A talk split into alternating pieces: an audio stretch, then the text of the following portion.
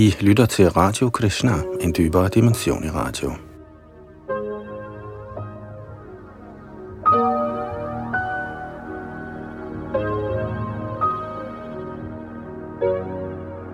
I vores gennemgang af Sri Chaitanya Charitamrita er vi nået til Madhya Lilas 14. kapitel, hvor vi sidste gang stoppede ved tekst 45. Her i det 14. kapitel, der hedder Vrindavan-lejene bliver opført, hører vi blandt andet om, hvordan Maharaj Prataparudra gennem FIF får mulighed for at mødes med Chaitanya Mahaprabhu. Hvorefter der blev uddelt prasad, og vi hører også om, at der var så meget prasad, at det blev uddelt til tiggerne. Og her sluttede vi så sidste gang, og vi fortsætter fra tekst 46 i Chaitanya Charitamrita, Madhya Lila, 14. kapitel, her hvor Yadunandan der sidder bag mikrofon og teknik.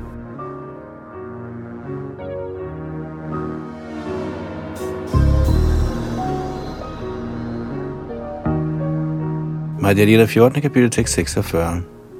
Hari bol, boli, kangala preme bhasi jai, Oichana odabhuta lila kore, Gaurarøj. Så snart tækkerne ytrede det hellige navn har blev de med det samme opslugt af ekstatisk Guds kærlighed. På den måde udførte Sri Chaitanya Mahaprabhu vidunderlige lege. Hertil kommenterer A.C. Bhaktivedanta Swami Prabhupada, at opleve følelsen af ekstatisk gudskærlighed er at befinde sig på det transcendentale plan. Kan man holde sig på dette transcendentale niveau, vender man bestemt hjem til Gud igen. I den åndelige verden er der ingen højere, mellemliggende eller lavere klasser. Det bekræftes i Upanishads syvende mantra. Yasmin sravani bhutanyatmaiva bhut vijanataha tatra ko mohaka shoka ekatvam manupashyataha. Den, som altid ser alle levende væsener som åndelige gnister i kvalitet, et med Herren, bliver en sand kender af ting. Hvad kan være illusion eller uro for ham?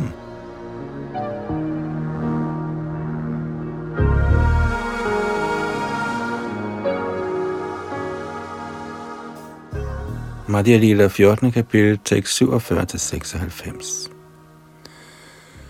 Uden for haven, da tiden var kommet til, at Jagannaths vogn skulle trækkes, forsøgte alle arbejderne og gårderne at trække den, men den flyttede sig ikke. Da det gik op for gårderne, at de ikke kunne flytte vognen en eneste tomme, opgav de. Da ankom kongen, meget bekymret, ledsaget af sine ministre og venner. Kongen gav befaling til, at nogle meget store brudår forsøgte at trække vognen. Og kongen sluttede sig endda selv til dem, men vognen kunne ikke flyttes. Kongen, der nu blev endnu mere ivrig efter at få vognen til at bevæge sig, fik de stærkeste af elefanter spændt for den. De store elefanter trak med al deres kraft, men vognen blev stående og rykkede sig ikke en tomme. Så snart Shri Chaitanya Mahaprabhu fik denne nyhed, kom han derhen med alle sine omgangsfælder. Så stod de der og jagtede elefanterne forsøg at trække vognen. Elefanterne, der betugtede med elefantstaben, græd men vognen ville ikke flytte sig. Folkemængden råbte, hak. På det tidspunkt lod Sri Chaitanya Mahaprabhu alle elefanterne fri og lagde vognens reb i hænderne på sine egne mænd. Shri Chaitanya Mahaprabhu gik herefter bag om vognen og gav sig til at skubbe den med sit hoved. Det var da, at vognen begyndte at rulle afsted med en skrællende larm. Ja, vognen begyndte at bevæge sig automatisk, og de hengivne skulle blot holde rebene i deres hænder. Siden den kørte af sig selv, behøvede de ikke at trække den.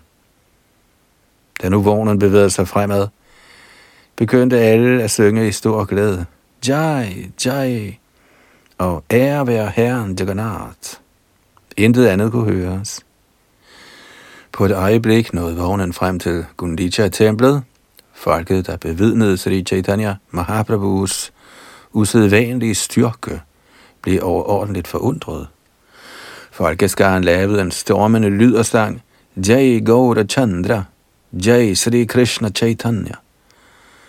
Så begyndte de at sige storartet, storartet. Da de bevidnede denne Sri Chaitanya Mahaprabhus storhed, blev Prataparudra Maharaj og hans ministre og venner så bevæget af ekstatisk kærlighed, at håret rejste sig på deres læmer. Alle herren Jagannaths tjenere bragte ham ned fra vognen, og herren kom ind og satte sig på sin trone. Også Subhadra og Balaram blev bragt ind på deres henholdsvise troner. Så blev herren Jagannath badet og blev endeligt tilbudt mad. Mens herren Jagannath, herren Balaram og Subhadra sad på hver deres troner, begyndte Sri Chaitanya Mahaprabhu og hans hengivne at holde Sankirtan i stor glæde med dans og sang på templets gårdsplads. Som Sri Chaitanya Mahaprabhu sang og dansede, blev han overvældet af ekstatisk kærlighed. Og alle de mennesker, der så ham, blev også druknet i oceanet af kærlighed til guddommen.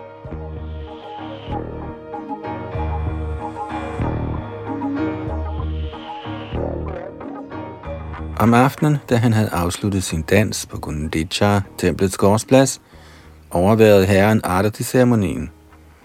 Så gik han til et sted, der kaldes for Arti Toda, og gik til ro for natten. I ni dage fik ni af de førende hengivne med Advaita Acharya i spidsen lejlighed til at invitere herren hjem til sig. I regntidens fire måneder inviterede de øvrige hengivne herren en dag hver. På den måde skiftedes de til at indbyde herren. I løbet af denne fire måneders periode blev de daglige invitationer delt mellem de vigtige hengivne. De øvrige hengivne fik ikke lejlighed til at invitere herren. Siden de ikke kunne få en dag hver, slog to eller tre hengivne sig sammen om indbydelsen. Disse er lejene af Sri Chaitanya Mahaprabhus accept af indbydelser.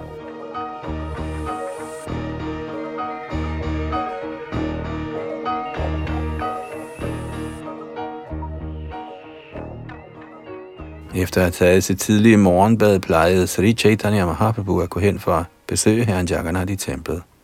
Herefter ville han holde Sankirtan sammen med sine hengivne. Med sin sang og dans fik Sri Chaitanya Mahaprabhu Advaita Acharya til at danse. Samme tid fik han Nityananda Prabhu, Haridas Thakur og Achyutananda til at danse. Samme tid fik Sri Chaitanya Mahaprabhu Vakreshwar og andre hengivne til at synge og danse. Tre gange dagligt, morgen, middag og aften, holdt han Sankirtan på Gundicha Templets gårdsplads. På det tidspunkt følte Sri Chaitanya Mahaprabhu, at Herren Krishna var vendt hjem til Vrindavan. Med den tanke stillede hans følelse af adskillelse fra Krishna af. Shri Chaitanya Mahaprabhu tænkte hele tiden på Radha og Krishnas lege, og han forblev opslugt af den bevidsthed.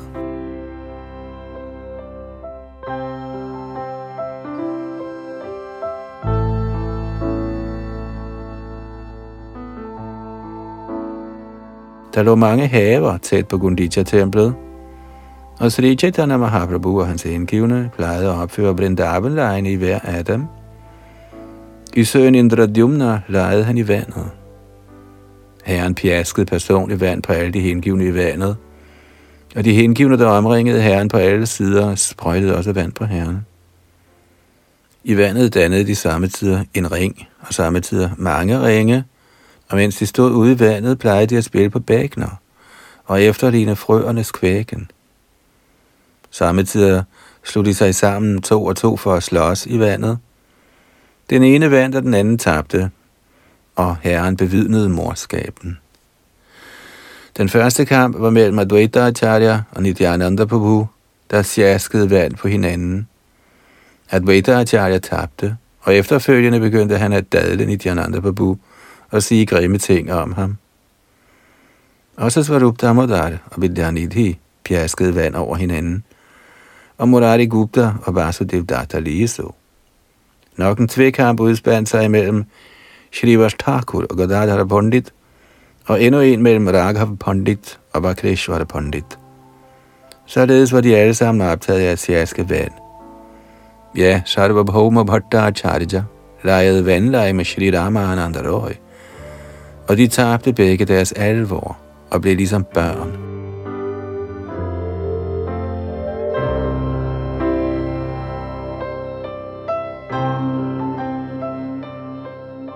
Da Shri Chaitanya Mahaprabhu så Sarvabhauma Bhattacharya og Ramananda Roy's opstemthed, smilte han og talte til Gopinath Acharya.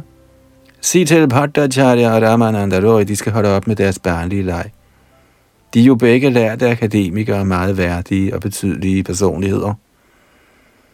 Gopinath Acharya svarede, jeg tror bestemt en dråbe fra oceanet er din nåde at skyde op over dem. En dråbe fra oceanet af din barmhjertighed kan drukne vældige bjerge som Sumeru og Mandal.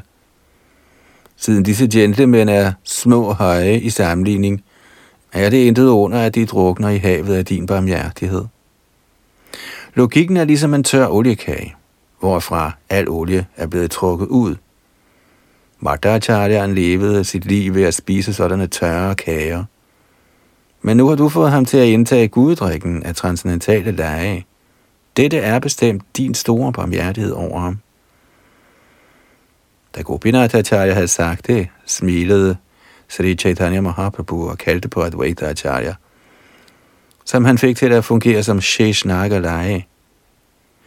Læggende oven på Advaita Prabhu, der flød på vandet, opførte Sri Chaitanya Mahaprabhu lejene Shesha Shai Vishnu.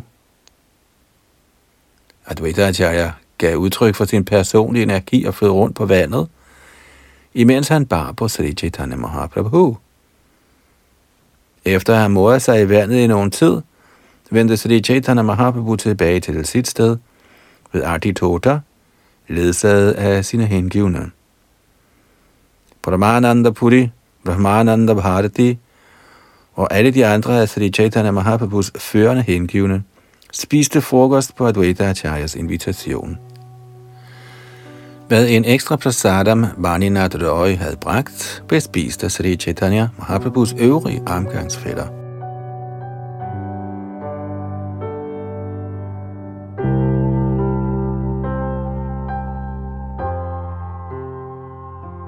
Om eftermiddagen gik Sri Chaitanya Mahaprabhu til Gundita-templet for at se herren og danse. Om natten gik han over i haven for at gå til ro. Og til næste dag gik herren over i Gundita-templet og besøgte herren. Herefter sang og dansede han på gårdspladsen endnu en tid. I selskab med sine hengivne gik Sri Chaitanya Mahaprabhu så ind i haven og nød på den darvanlejene. Kommentar Shrita Bhakti Siddhanta Saraswati Thakur gør her opmærksom på, at denne Vrindavan Bihar, eller Vrindavan Lai, ikke henviser til Krishnas samvær med gopierne, eller stemningen af Brakir Das. Sri Chaitanya Mahaprabhus Vrindavan Lila i Jagannath Puris have indebar ikke omgang med kvinder eller med andre folks hustruer på den måde, der blev transcendentalt demonstreret af Shri Krishna – i sin Vrindavan Lila opfattede Shri Chaitanya Mahaprabhu sig som Srimati Radharanis tjenestepige. Når Shrimati Radharani nød Krishnas samvær, blev hendes tjenestepiger rigtig glade. Man må ikke sammenligne Sri Chaitanya Mahaprabhus Vrindavan Bihar i Jagannath Have med Gauranga Nagariernes aktiviteter.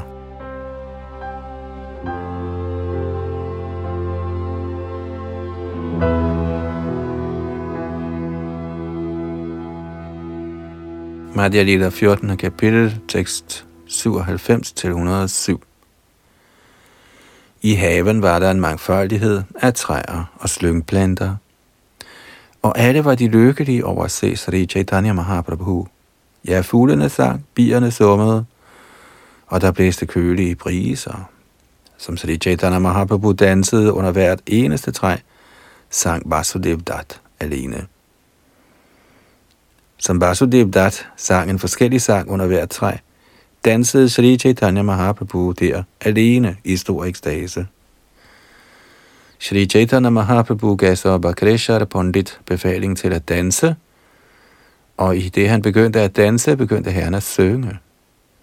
Så begyndte hengivne som Sarup Damodar og andre kirtanledere at synge sammen med Sri Chaitanya Mahaprabhu.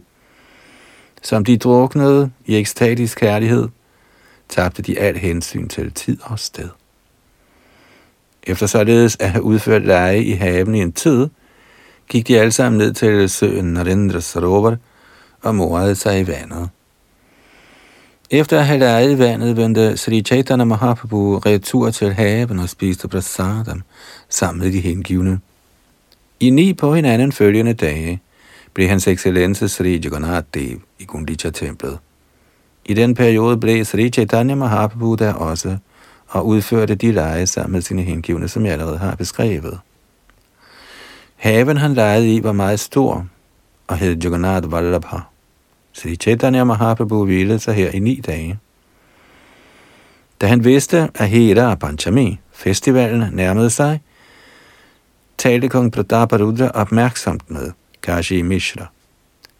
I morgen heldigholdes Hera Panchami eller Lakshmi Vijay afholdt denne festival på en måde, som den aldrig før er blevet afholdt.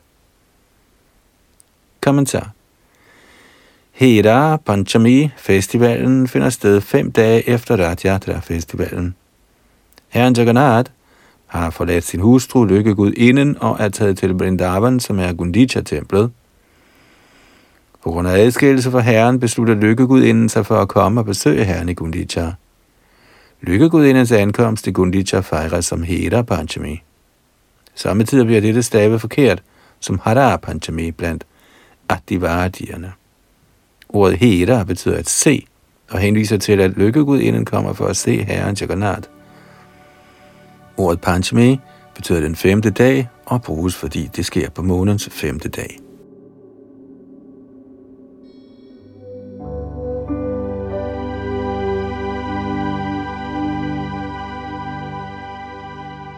Madhya Lila 14. kapitel tekst 108-133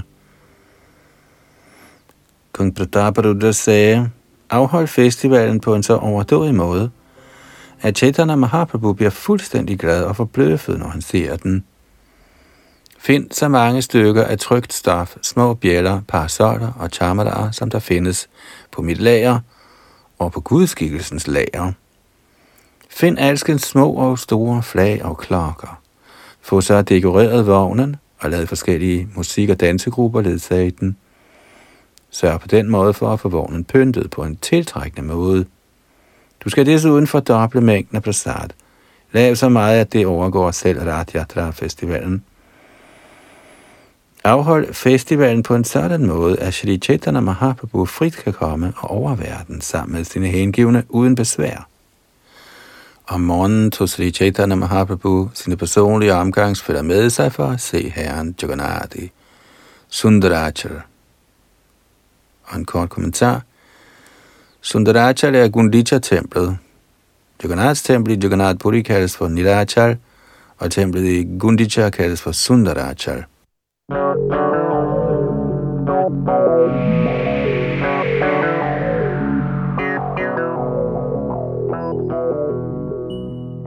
Og videre. Herefter vendte Sri Chaitanya Mahaprabhu og hans personlige fætter retur til Nilachal i stor iver for at se hele Panchami Festivalen. Kashi Mishra tog er erbødigst imod Chaitanya Mahaprabhu og bragte ham og hans fætter til et meget fint sted, hvor han bad dem sætte sig ned. Da han havde sat sig ned, ønskede Mahaprabhu at høre om en bestemt af den hengivne tjenestes stemninger. Derfor begyndte han blidt smilende at udspørge Svarup Damodar. यद्यापि जगन्नाथकरेण द्वारकाय बिहार सहज प्रकट करे परम उदार तथापि वत्सर मध्य हो एक बार वृंदावन देखी थे थांग्र udkanta og par. Selvom herren Jagannath nyder sine lege i Dvarka Dham og naturligt udviser sublim frihed der, bliver han dog en gang om året uendelig ivrig efter at se Vrindavan. Sri Chaitanya Mahaprabhu pegede på de tilstødende haver og sagde, Disse haver ligner nøjagtigt Vrindavan. Derfor vil herren Jagannath meget gerne se dem igen. Udvendigt giver han den undskyldning, at han ønsker at deltage i Rajyatra festivalen men i virkeligheden ønsker han at forlade Jagannath Puri for at tage til Sundarachal, Gundicha-templet, som er en kopi af Brindavan. Herren nyder sin leg, dag og nat i forskellige blomstrende haver der. Men hvorfor tager han ikke Lakshmi Devi, lykkegudinden, med sig? Swarup Damodar svarede, Kære herre, lyt venligst til årsagen til dette. Lakshmi Devi, lykkegudinden, kan ikke få adgang til lejene i Vrindavan. I Vrindavan-lejene er gopierne de eneste hjælpere. Bortset fra gopierne kan ingen lokke Krishnas sind. Herren sagde, under paraskud af vognfestivalen tager Krishna der til sammen med Subhadra og Baldev. Alle de lege med gopierne, der finder sted i disse haver, hører til Krishnas i højeste grad fortrolige ekstaser. Ingen kender dem. Når der ingen fejl er i nogen af Krishnas lege, hvordan kan det da være, at lykkegudinden bliver vred? Sarup Damodar svarede, det er naturen hos en pige, der er alt for ramt af kærlighed, straks at blive vred, hvis hun oplever nogen som helst forsømmelse fra sin elskeres side. Som Sarup Damodar og Sri Chaitanya Mahaprabhu talte sammen, passerede optoget med lykkegudinden forbi. Hun sad i en gylden palankin, der blev båret af fire mænd og var pyntet med en mangfoldighed af juveler. Palankinen var også omgivet af folk, der holdt parasoller, charmer vifter og flag, og foran den gik musikere og dansepiger. Tjenestepigerne bar vandkander, charmervifter og æsker med betelnødder. Der var i hundreder af tjenestepiger, der alle sammen var tiltrækkende klædt og iført kostbare halsbånd.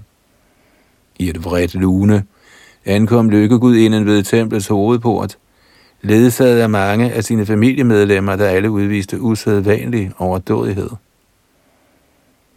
Da optoget noget frem, begyndte lykkegudindens tjenestepiger at anholde alle herren Jagannaths hovedhjælpere. Tjenestepigerne bagbandt Jagannaths tjenere, lagde dem i håndjern og fik dem til at falde ned for lotusfødderne af lykkegudinen. Ja, de blev anholdt ligesom type, der får alle sine rigdomme konfiskeret. Kommentar Når herren Jagannath starter sin vognfestival, forsikrer han lykkegudinden for, at han skal komme tilbage næste dag. Når han så ikke kommer, begynder lykkegudinden efter først at have ventet i to eller tre dage at føle, at hendes ægtemand har forsømt hende. Hun bliver naturligt rigtig vred. Hun og hendes hjælper klæder sig overdådigt på, kommer ud af templet og stiller sig foran hovedporten. Alle herren Jagannaths hovedhjælpere bliver så anholdt af hendes tjenestepiger, bragt foran hende og er tvunget til at falde ned for hendes lotusfødder.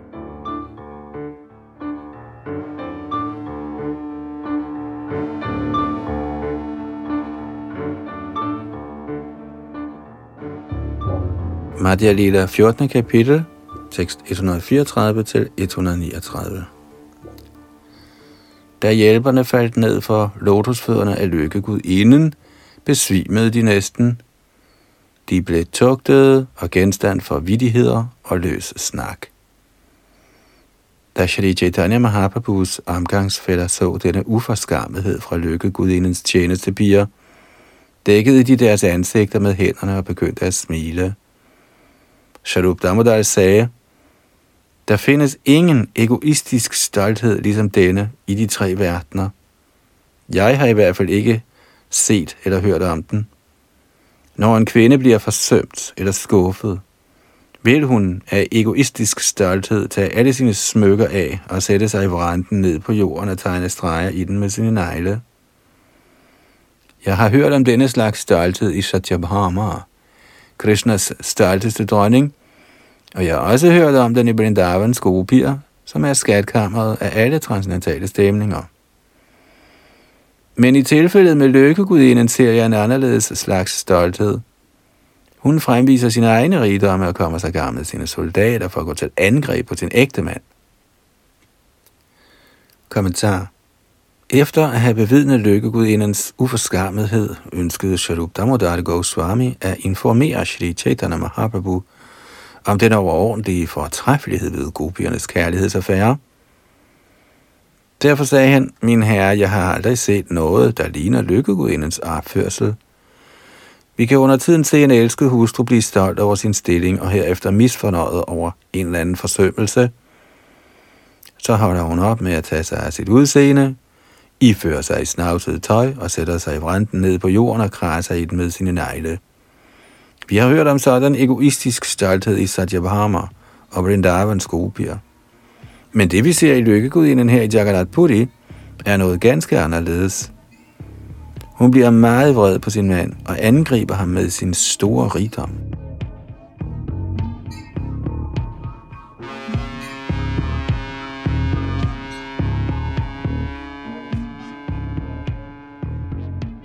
Madhya Lila 14. kapitel, tekst 140-157. Sri Chaitanya Mahaprabhu sagde, Fortæl mig om de forskellige slags egoistisk stolthed, der viser sig i Vrindavan. Shrup Damodar svarede, Gopiernes stolthed er ligesom en flod, der løber med i hundrede af bifloder. Særpræg og kærlighedsmodi er forskellige forskellige kvinder – deres jaloux vrede er også af varierende slags og kvalitet. Man kan umuligt fuldstændig gøre rede for alle de forskellige typer af jaloux vrede, som kopierne udviser, men nogle få principper kan tjene som antydning. Der er tre slags kvinder, der oplever jaloux vrede. Besindige kvinder, restløse kvinder og kvinder, som både er restløse og besindige. Når en besindig helt ene ser sin held nærme sig på afstand, rejser hun sig hurtigt op for at tage imod ham. Når han kommer tættere på, byder hun ham straks en sideplads. Den besindige helt inde skjuler sin vrede inden i sit hjerte og taler udvendigt behagelige ord. Når hendes elsker omfavner hende, gengælder hun hans omfavnelse. Den besindige heltinde er meget enkel i sin adfærd. Hun holder sin jaloux vrede inde i hjertet men med milde ord og smil afviser hun sin elskers tilnærmelser. Men den restløse helt ene vil samme tid at tugte sin elsker med grusomme ord, hive ham i øret og binde ham med en blomsterkrans. Men den helt ende, som er en kombination af besindighed og restløshed, siger altid vidtigheder med tvetydige ord. Hun priser samtidig sin elsker, bespotter ham samtidig og forholder sig i samtidig ligegyldig. Heldinder kan også klassificeres som besnærede, mellemlæggende og uforskamede. Den besnærede heldinde kender ikke så meget til de listige intriger af jaloux vred. Den besnærede heldinde dækker blot sit ansigt og bliver ved med at græde. Når hendes elsker siger noget behageligt, bliver hun tilfreds. Både den mellemliggende og den uforskammede heldinde kan klassificeres som besindig, restløs og som både besindig og restløs. Alle deres særpræg kan yderligere klassificeres i tre inddelinger. Nogle af disse heldinder er meget snaksomme, andre er blide, og igen andre er ligevægtige. Hver helt inde øger, alt efter sin egen karakter, Shri Krishnas kærlighedsekstase. Selvom nogle af gopierne er meget snaksomme, andre milde og igen andre ligevægtige, er de alle sammen transcendentale og uden fejl. De behager Krishna med deres unikke egenskaber.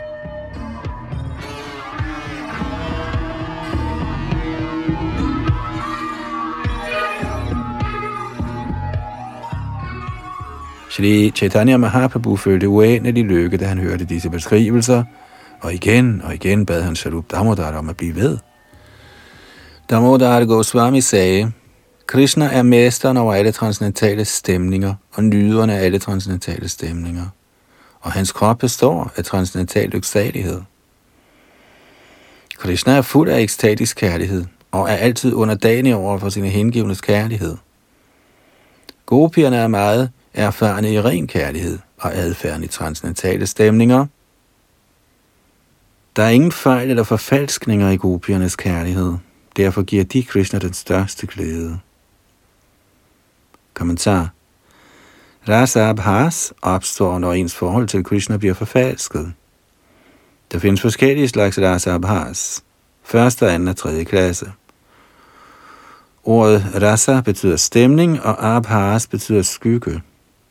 Hvis man smager en bestemt slags stemning, og noget ekstra bliver pålagt, kaldes det for uparas. Bliver noget udvundet fra den oprindelige stemning, kaldes det for onuras. Hvis noget påskyndes, der ligger langt væk fra den oprindelige smag, kaldes det for aparas.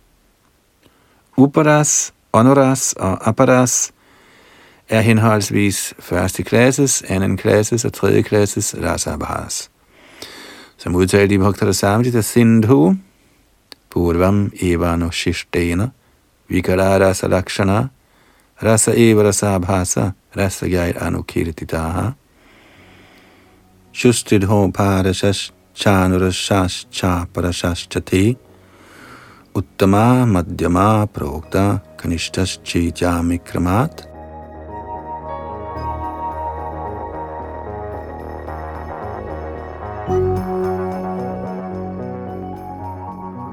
Madhya Lila 14. kapitel tekst 158. Evang shashakang shu virajaditanisha sasatyakamo nuratabharaganaha Sisheva atmanya varuddha saurata sarva sharat kavya katarasa shrayaha. Herren Sri Krishna, som er den absolute sandhed, nød sin raserdans hver nat om efteråret. Han opførte denne dans i måneskinnet og med fulde transcendentale stemninger. Han brugte poetiske ord og omgav sig med kvinder, der var meget tiltrukket af ham. Kommentar. Dette vers er et citat fra Shalimad Bhagavats 10. bog, kapitel 33, tekst 25. Gopierne er alle sammen transcendentale åndelige sjæle. Man må aldrig tro, at gopierne og Krishna har materielle kroppe. Vrindavan er også et transcendentalt sted, hvor dagene og nætterne, træerne, blomsterne, vandet og alt andet er åndeligt. Der er end ikke et anstrøg af materiel besmittelse. Krishna, som er den højeste Brahman og oversjælen, interesserer sig slet ikke for noget materielt. Hans aktiviteter med gopierne er alle sammen åndelige og finder sted i den åndelige verden. De har intet at gøre med den materielle verden. Herren Krishnas løsne ønsker, og at hans omgang med gopierne sker på det åndelige plan. Man må være transcendentalt realiseret, før man endda kan tænke på at nyde Krishnas leje sammen med gopierne. Den, som befinder sig på det værtslige plan, må først rense sig selv ved at følge de regulerende principper. Kun der kan man forsøge at forstå Krishna og gopierne. Sri Chaitanya Mahaprabhu og Sharup Damodar Goswami taler her om forholdet mellem Krishna og gopierne – Derfor er emnet hverken værsligt eller erotisk. Som sanyasi var Sri Chaitanya Mahaprabhu meget streng i sin omgang med kvinder. Hvis ikke gopierne befandt sig på det åndelige plan, ville Sri Chaitanya Mahaprabhu aldrig endda have nævnt dem for Svarup Damodar Goswami. Derfor angår disse beskrivelser ikke materiel aktivitet.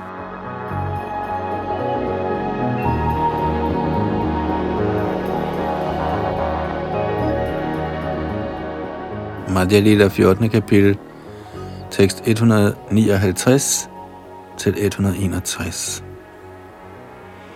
Gopierne kan inddeles i en venstre fløj og en højre fløj. Begge fløje får Krishna til at smage transcendentale stemninger gennem forskellige fremvisninger af ekstatisk kærlighed. Af alle gopierne er Srimati Radharani den førende. Hun er en juvel mine af ekstatisk kærlighed, og kilden til alle rensede, transcendentale elskovsstemninger. Radharani er voksen, og hendes karakter er ligevægtig. Hun er altid fordybet i ekstatisk kærlighed og føler sig altid som en venstrefløjs gopi. Kommentar. Gopiernes venstre og højre fløje er blevet forklaret af Rup Goswami i hans Ujvala Nilamani, Shaki Prakarana 26 og 32. Venstrefløjen beskrives som følger. Managrahe sadodjukta tachaitilye chakopana abhedya nayake praya krura avameti kirtaye. Citat. En gruppe, som altid er ivrig efter at blive jaloux forarvet, som er rigtig ivrig efter den position, som straks bliver vred, når hun bliver overvundet, som aldrig er under heltens herredømme, og som altid modsætter sig ham, kaldes for en varmer eller en venstrefløjskopi. Citat slut. Sri Rupa Goswami beskriver højrefløjsgopierne således. Altså, Asahyamana nirbandhi nayake yuktavadini samhavistena bhedyacha dakshina parikirtita Citat. En gopi, som ikke kan fordrage kvindelig vrede, som siger passende ting til helten, og som glædes ved hans søde ord, kaldes for en dakshina eller en højrefløjsgopi. Citat slut.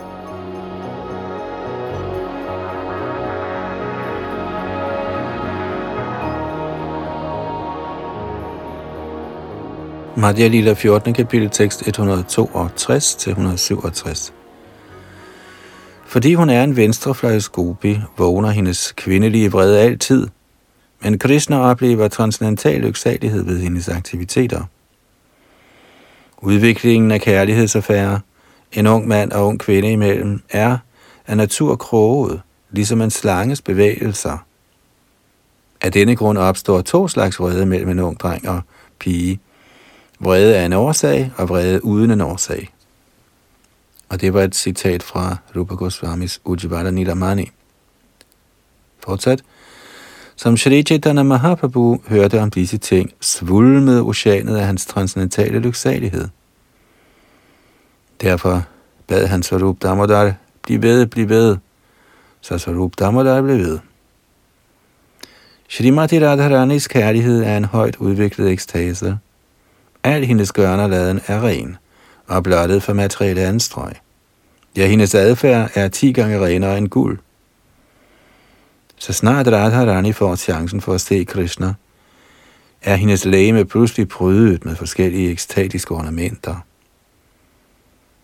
De transcendentale smykker på Shrimati Radharanis krop indbefatter de otte satvikar, eller transcendentale symptomer, de 32 vyabhichari bhavarer, begyndende med harsha, eller lykke i naturlig kærlighed, og de 20 bahavaer, eller ekstatiske følelsesmæssige ornamenter.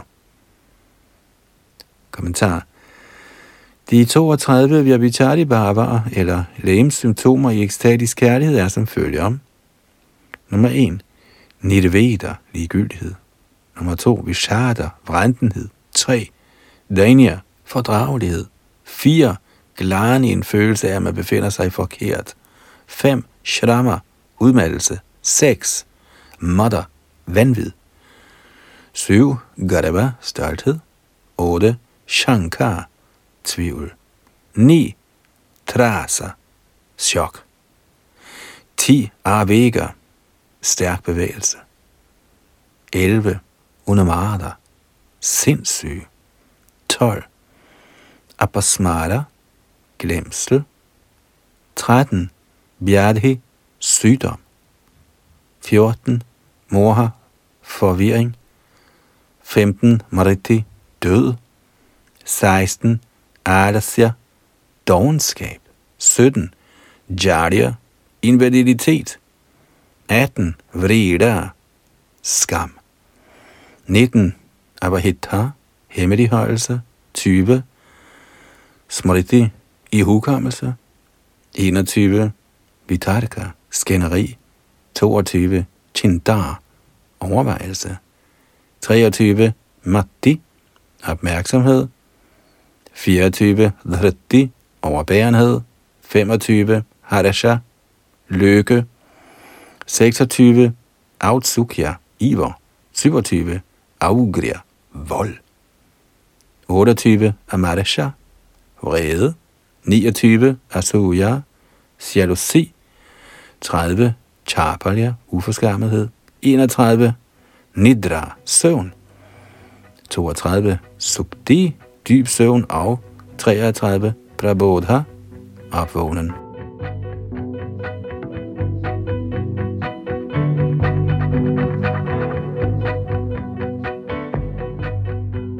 Madhya Lila 14. kapitel tekst 168-173. Nogle af symptomerne, der bliver afgørende forklaret i de følgende vers, er Kila Kinchita, Kutamita, Vilas, Ladita, Vivoka, Mortaita, Maudhya og Chakita. Når Srimati Radharanis krop fremviser smykkerne af mange slags ekstatiske symptomer, opstår der straks bølger i oceanet af Krishnas lykke. Hør nu en beskrivelse af forskellige ekstaser, begyndende med Kila Kinchita. Med disse ekstatiske ornamenter fortryller Srimati Radharani Krishnas sind. Når Sri Krishna ser Srimati Radharani og gerne vil røre ved hendes krop, forhindrer han hende i at gå hen til det sted, hvor man kan krydse floden Jamuna. Krishna går hen til Srimati Radharani og forhindrer hende i at plukke blomster. Måske rører han også ved hende foran hendes veninder. På et sådan tidspunkt vækkes symptomerne på Kilakinchita. Først er der lykke i ekstatisk kærlighed, som er den grundlæggende årsag til alle disse symptomer. Kommentar. Når Shrimati Radharani forlader sit hus, er hun altid velklædt og tiltrækkende. Det hører til hendes kvindelige natur at tiltrække sig Shri Krishnas opmærksomhed. Og når han ser hende så tiltrækkende klædt, vil Shri Krishna gerne røre ved hendes krop. Herren finder en eller anden fejl i hende og forbyder hende at komme ned til floden og holder hende fra at plukke blomster. Sådan er lejene Shrimati Radharani og Sri Krishna imellem. Eftersom hun er malkepige, bærer Shrimati Radharani regelmæssigt rundt på mælk i en beholder, og tager tit over for at sælge mælken på den anden side af Jamuna. For at komme over til floden skal hun betale færgemanden, og stedet, hvor færgemanden tager imod sin betaling, kaldes for Dhangardi. Herren Sri Krishna forhindrer hende i at gå og siger, du skal først betale, så får du lov til at komme med. Den leg kaldes for Dan Keli Lila. Og ligeledes, hvis Shrimati Radharani gerne vil plukke en blomst, påstår Krishna, han er havens ejer og forbyder hende. Den leg kaldes for Kila Kinchita. Radharanis skyhed opstår på grund af Shri Krishnas forbud og ekstatiske lægems symptomer, der kaldes for Kila Kinchita viser sig nu. Disse symptomer på ekstase bliver forklaret i følgende vers, der stammer fra Shri Rup Goswamis Ujjvala Nilamani, Anubhava Prakarna nummer 39.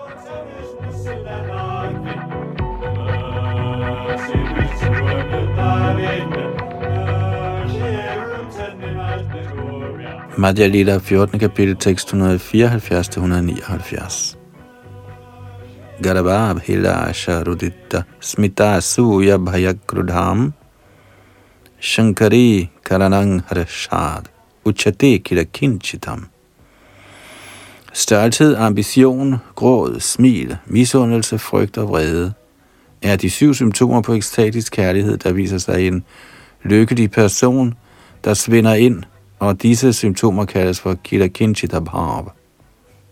Der er syv andre transcendentale ekstatiske symptomer, og når de kombinerer sig på planet af lykke, kaldes det en kombination for Mahabhav. De syv kombinerede ingredienser i Mahabhav er stolthed, ambition, frygt, tør kunstig gråd, vrede, misundelse og blide smil.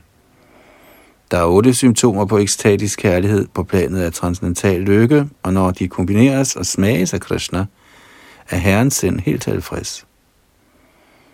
Ja, de bliver sammenlignet med en kombination af yoghurt, candy, ski, honning, sort peber, kamfer og kardemomme, der når de blandes sammen, smager utrolig dejligt og sødt.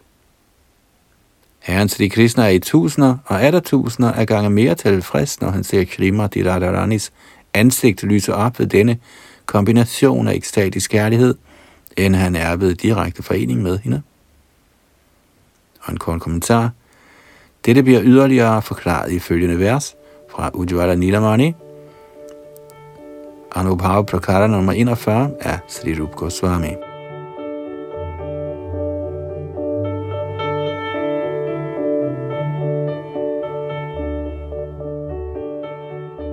Maria lille 14. kapitel 6, 180, ja, 181.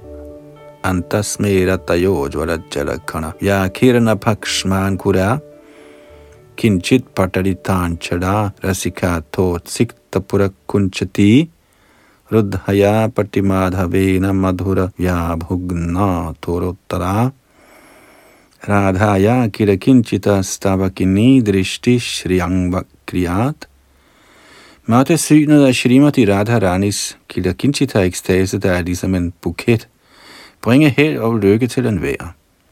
Da Sri Krishna blokerede Radharanis vej ned til Dharangati, var der latter i hendes hjerte. Hendes øjne blev klare, og friske tårer gled fra hendes øjne og gjorde dem røde. På grund af hendes dejlige forhold til Krishna var hendes øjne entusiastiske, og da hendes gråd stilnede af, så hun endnu smukkere ud. Forstyrret af tårer var Srimati Radharanis øjne rødlige, ligesom den østlige horisont ved solopgang. Hendes læber begyndte at bevæge sig med jubel og løsne ønsker. Hendes øjenbryn buede sig, og hendes lotuslignende ansigt smilede blidt. Da han så Radharanis ansigt udtrykke sådan følelse, følte Shri Krishna sig en million gange lykkeligere, end da han omfavnede hende. Ja, herren Shri Krishnas lykke er slet ikke værtslig. Og det var et citat fra Govinda Lilamrita 9.18.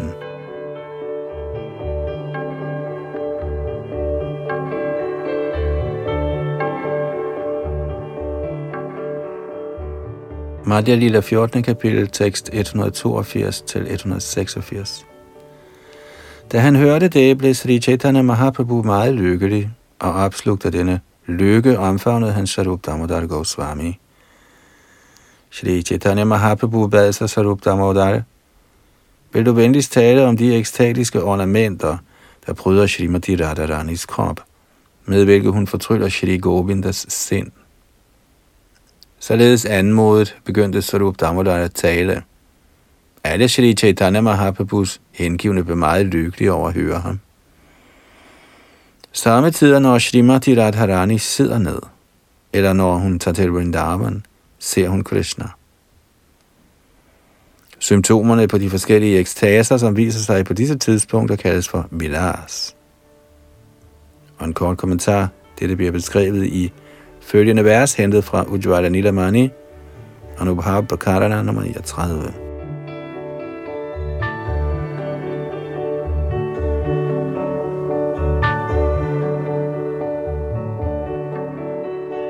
Radia Lila 14. kapitel, tekst 187-189.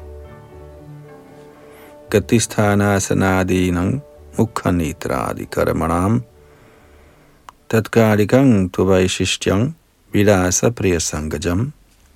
De forskellige symptomer, der viser sig i en kvindes ansigt, øjne og andre lægemstede og måden hun bevæger sig, står eller sidder på, når hun møder sin elskede, kaldes for bilas. Shalup Damodar sagde, Skyhed, jubel, respekt, frygt og særprægende hos venstrefløjskopierne er alle sammen ekstatiske symptomer, der kombinerer sig for at bevæge Shalimati Radharani. Og en kort kommentar. Dette bliver forklaret i følgende vers, som forekommer i Govinda Lidamrita.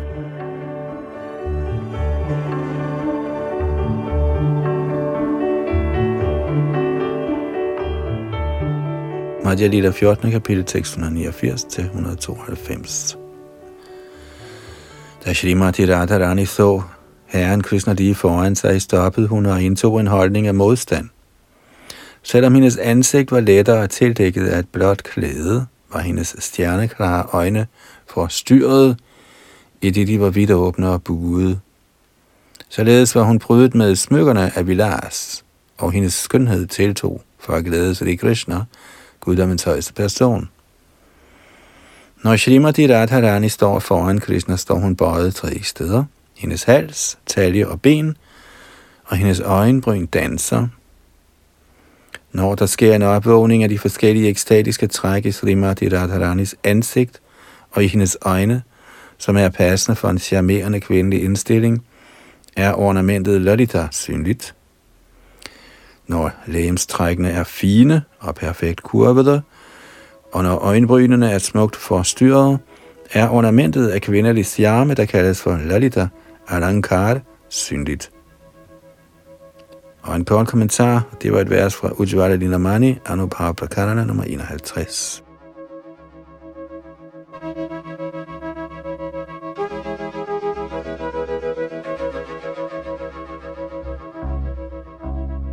Madhya Lita 14. kapitel tekst 193-197.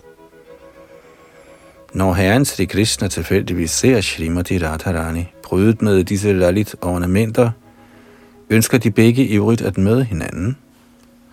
Da Srimati Radharani blev brydet med smykker, af Lalit Alankara for blot at øge Sri Krishnas kærlighed, blev en smuk bue formet af hendes halsknæ og talje.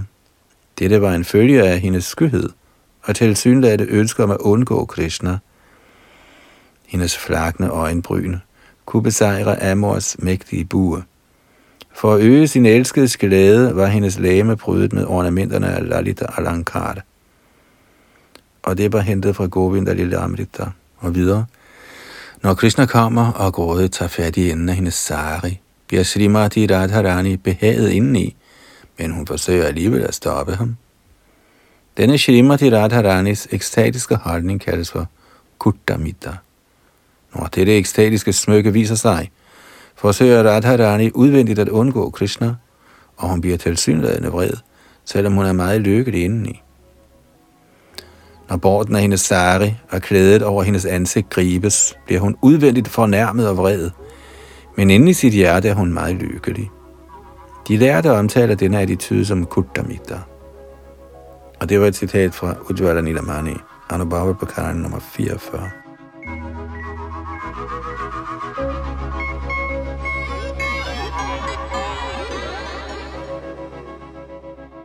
Madhya Lila 14. kapitel, tekst 198-227.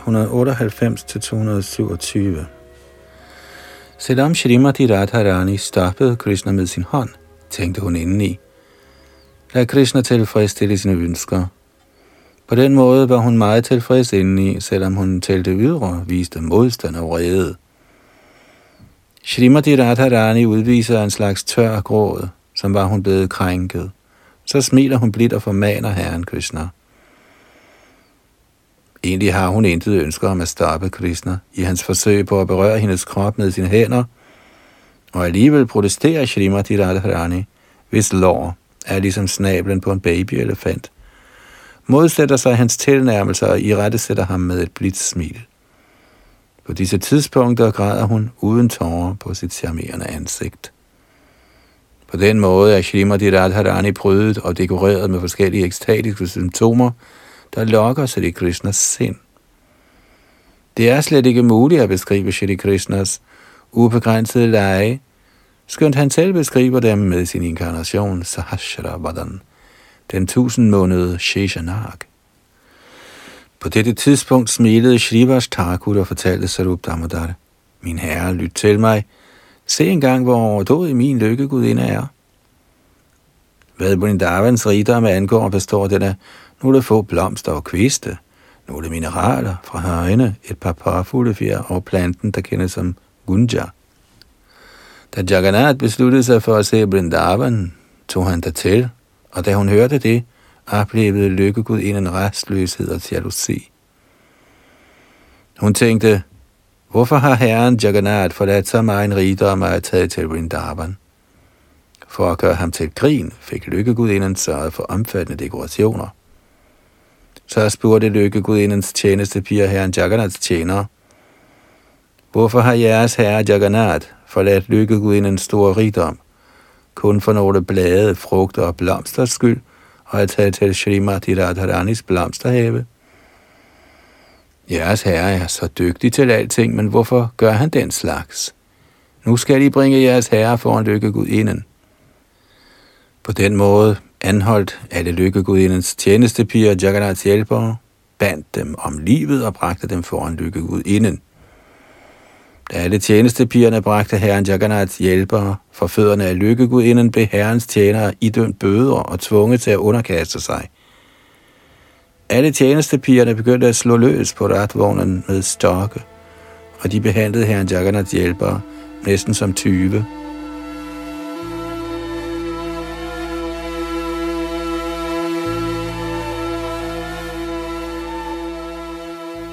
Til sidst underkastede alle herren Jagannaths hjælper sig lykkegudinden med fardede hænder og forsikrede hende for, at de ville bringe herren Jagannath foran hende allerede næste dag. Således beroliget vendte lykkegudinden tilbage til sine gemakker. Tænk engang, min lykkegudinde er overdået hinsides enhver beskrivelse. Stadig henvendt til Shalup Damodar sagde Shri Thakur. Dine gopier koger mælk og kerner yoghurt, men min herskerinde, lykkegudinden, sidder på en trone af juveler og ædelstene. Shri Thakur, der nød Narad Munis humør, sagde vidigheder på den måde. Alle Shri Chaitanya Mahaprabhus personlige hjælpere hørte ham og begyndte at smile.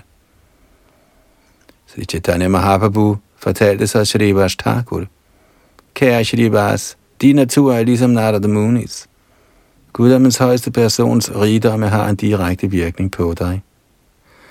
Sarup Damodar er en ren hengiven fra Vrindavan. Han aner ikke, hvad rigdom er, for han er kun opslugt af ren hengiven tjeneste. Sharup Damodar tog så til genmæle. Min kære Sharibas, hør mig opmærksomt. Du har glemt Vrindavans transcendentale overdådighed. Vrindavans naturlige rigdom er ligesom et ocean. Dvarkas og Vaikunthas overdådigheder kan end ikke sammenlignes med en dråbe. Shri Krishna er guddommens højeste person, fuld af alle overdådigheder, og hans komplette overdådighed kommer kun til udtryk i Vrindavan Dham. Vrindavan Dham består af transcendentale ønskesten. Hele overfladen er kilden til alle værdifulde juveler, og Chintamani-sten bliver brugt til at dekorere lotusfødderne på Vrindavans tjeneste piger. Vrindavan er en naturlig skov af ønsketræer og slyngplanter, og indbyggerne ønsker intet andet end frugterne og blomsterne fra disse ønsketræer. I Vrindavan er der køer, der opfylder alle ønsker, karmet henu, og deres antal er uendeligt. De græsser fra skov til skov og giver kun mælk. Folket ønsker intet andet. I Vrindavan lyder folkets naturlige tale ligesom musik, og deres naturlige bevægelser ligner dans. Vandet i Vrindavan er gudedrik, og Brahman Jyoti, stråleglansen, der er fuld af transcendental lyksalighed, bliver direkte opfattet der i dens form.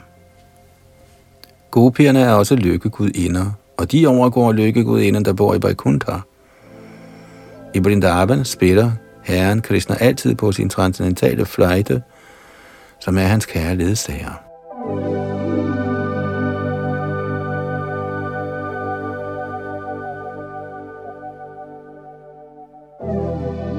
Shriya Kanta Kanta Paramapurusha Kalpataravo Druma Bhumish Chintamani Ganamayi Toyamamritam Kathaganang Natyam Gamanam Appivangshi Priya Sakhi Chidanandang Jyoti Paramapitada Svadyam Apicha Vrindavans unge piger, gopierne, er lykkegudinder af ekstra fin kvalitet – Vrindavans nyder er guddommens højeste person Krishna. Træerne er alle sammen ønskeopfyldende træer, og landet består af transcendental ønskesten. Alt vand er gudedrik, alt tale er sang, alt gang er dans, og Krishnas konstante ledsager er hans fløjte. Stråleglansen af transcendental lyksalighed er fars alle vegne. Derfor er Vrindavan Dham den eneste bolig, der er nydelse værdig. Og det var et citat fra Brahma Samhitas 5. kapitel, tekst 56.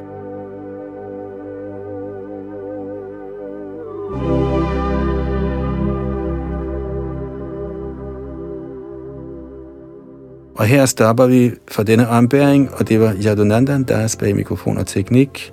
Og vi læste fra 14. kapitel her i Chaitanya Charitamritas Madhya Lila, hvor vi nu nåede frem til tekst 227 her i denne del, hvor vi får en hel del meget fortrolig information, som vi kun skal høre med den største erbødighed. Bag mikrofon og teknik sad Yadunandan Das.